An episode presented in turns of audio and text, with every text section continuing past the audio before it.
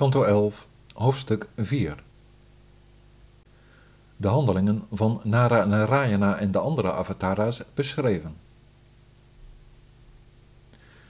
De achtenswaardige koning Nimi zei: Vertel ons alstublieft over de handelingen van ieder van deze zelfgekozen verschijningen waarmee de Heer optrad, heeft opgetreden en zal optreden in deze wereld.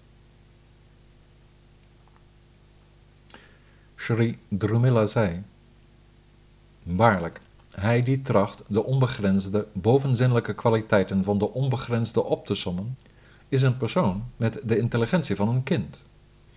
Men kan er op de een of andere manier na de nodige tijd in slagen het aantal stofdeeltjes op aarde te tellen, maar de kwaliteiten van het reservoir van alle vermogens zijn ontelbaar.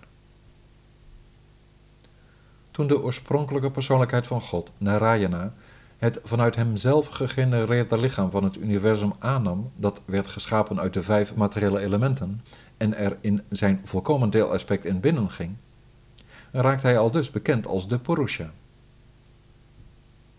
In de uitgebreidheid van dit drie werelden lichaam ontstonden er, uit zijn zinnen, de twee soorten zinnen van waarnemen en handelen van de belichaamde wezens, ontstonden er uit zijn wil de geestelijke kennis en uit zijn ademen kracht, vermogen en ondernemingszin. Hij is de oerbeweger van schepping, vernietiging en behoud in hartstocht, onwetendheid en goedheid. In den beginnen werd hij met de geaardheid hartstocht voor de schepping van dit universum Shatadriti Heer Brahma. Voor de handhaving van het dharma en bescherming van de Brahmanen werd hij Vishnu, de heer der offers, en voor de vernietiging in onwetendheid nam de oorspronkelijke persoon de gedaante aan van Rudra, Shiva. Al dus is hij voor de geschapen wezens altijd van schepping, handhaving en vernietiging.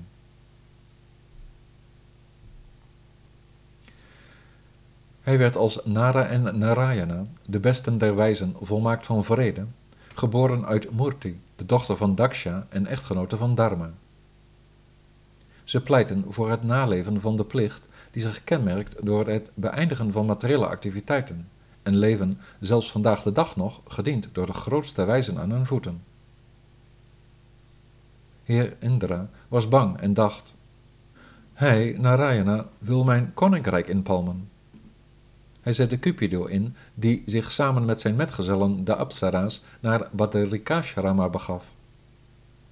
Niet bekend met zijn grootheid, probeerde hij daar, samen met de zachte bries van de lente, hem met zijn pijlen, bestaande uit de blikken van de vrouwen, te raken. De oorspronkelijke godheid, die begrip had voor de overtreding van Indra, sprak vrij van trots, glimlachend tot hen die op hun benen stonden te trillen. Wees alstublieft niet bang, o machtige Madana, o god van de wind en echtgenotes van de halfgoden. Alstublieft, aanvaard deze gaven van ons en zegen deze ashrama met uw aanwezigheid. O God der mensen, nadat de verlener van onbevreesdheid al dus had gesproken, bogen de goden zich beschaamd voor hem en zeiden smekend om mededogen met hun hoofden naar beneden. O Almachtige, dit soort van respect is met u, de Allerhoogste Onveranderlijke, niet zo verrassend. Niet met u, aan wiens voeten in grote getalen zij zich verbuigen die zelfbeheerst en innerlijk tevreden zijn. Voor hen die u van dienst zijn om hun materiële werelden te transcenderen en het Allerhoogste te bereiken, bestaan er vele hindernissen, verleidingen, opgeworpen door de verlichte zielen. Maar als men die zielen middels offerplechtigheden met het brengen van offers hun aandeel toekent, bestaan er voor dit soort van andere toegewijden niet zulke belemmeringen. Vanwege u, als zijnde de beschermer, kan hij dan zijn voet bovenop die obstakels zetten. Sommige mensen met ons bezig in de vorm van materiële moeilijkheden als honger, dorst, de drie tijdgebonden kwaliteiten hitte, kou en regen, de wind, de tong en de geslachtsorganen, vallen ten prooi aan woede als ze merken dat het niets oplevert en zien af van hun lastige boetedoeningen als zijnde nutteloos.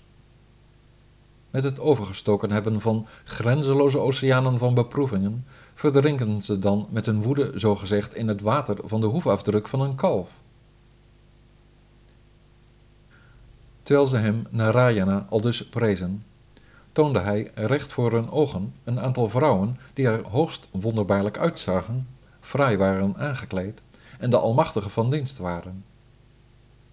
Toen ze deze vrouwen voor zich zagen, die leken op de godin van het geluk zelf, raakten de volgelingen van de God der liefde verbijsterd door de fantastische schoonheid en geur die hun eigen pracht deed verbleken. De heer der heerscharen zei met een flauwe glimlach tot hen die zich voor hem bogen: Alsjeblieft, kies uit deze dames er een die u geschikt acht als een sieraad van de hemel.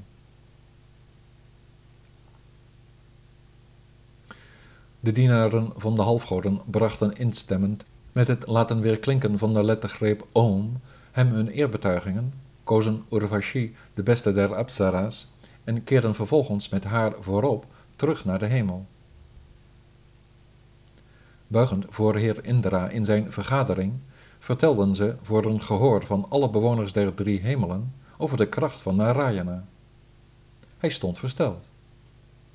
De onfeilbare Heer, Vishnu, die met zijn expansies nederdaalt in deze wereld voor het heil van het ganse universum, sprak over zelfverwerkelijking met het aannemen van de gedaanten van de bovenzinnelijke zwaan Hamsa, Dattatreya, de Kumara's en onze vader, de Allerhoogste Heer Rishaba. De oorspronkelijke teksten van de Veda's werden door hem, de doder van Madhu, teruggehaald in zijn paardincarnatie, Hayagriva. In zijn visincarnatie Matsya beschermde hij Vaivasvata Manu, Satyavrata, de planeet aarde en de kruiden, tijdens de grote vloed. In zijn zwijnincarnatie Varaha bevrijdde hij de aarde uit de wateren en doodde hij de demonische zoon van Diti, Hiranyaksha.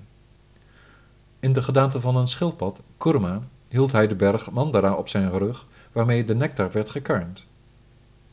Hij bevrijdde in zijn bovenzinnelijke gedaante Vishnu de koning der olifanten Gajendra, die zich aan hem overgaf toen hij vanwege de krokodil in nood verkeerde. Hij verloste de biddende ascetische wijzen, de kleine Valakhilia's, die ten val waren gekomen in het water van de hoefafdruk van een koe. Hij verloste Indra van de ban der duisternis nadat hij Vritrasura gedood had. Hij verloste de echtgenotes van de halfgoden die hulpeloos door Bhaumasura waren gevangen gezet in het Asura-paleis. In de gedaante van Nrishimadeva doodde hij Hiranyakashipu, de Asura-koning, om de vrome toegewijden van hun angst te bevrijden.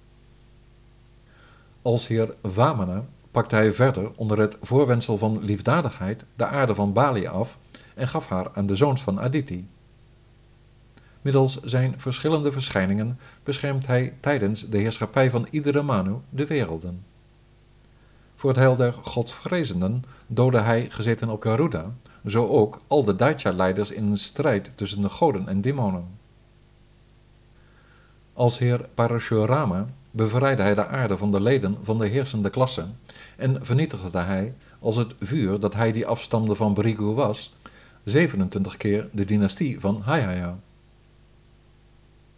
Als de echtgenoot van Sita, Ramachandra, onderwierp hij de oceaan en doodde hij kop Ravana met inbegrip van zijn soldaten op Lanka. Het vertellen van de verhalen over de heerlijkheden van hem die altijd zegenrijk is, maakt een einde aan de onzuiverheid van de hele wereld. De ongeboren Heer zal als Krishna zijn geboorte nemen in de Yadu-dynastie en zal, om de overlast van de aarde terug te dringen, daden verrichten die zelfs voor de halfgoden moeilijk op te brengen zijn.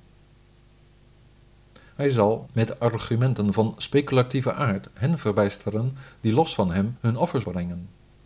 Aan het einde van Kali Yuga zal hij als heer Kalki tenslotte een einde maken aan al de heersers van twijfelachtig allooi. Er bestaan van de zo heel glorieuze Heer van het levend wezen, die we al dus bespraken, o machtige armde, ontelbare verschijningen en handelingen precies als deze.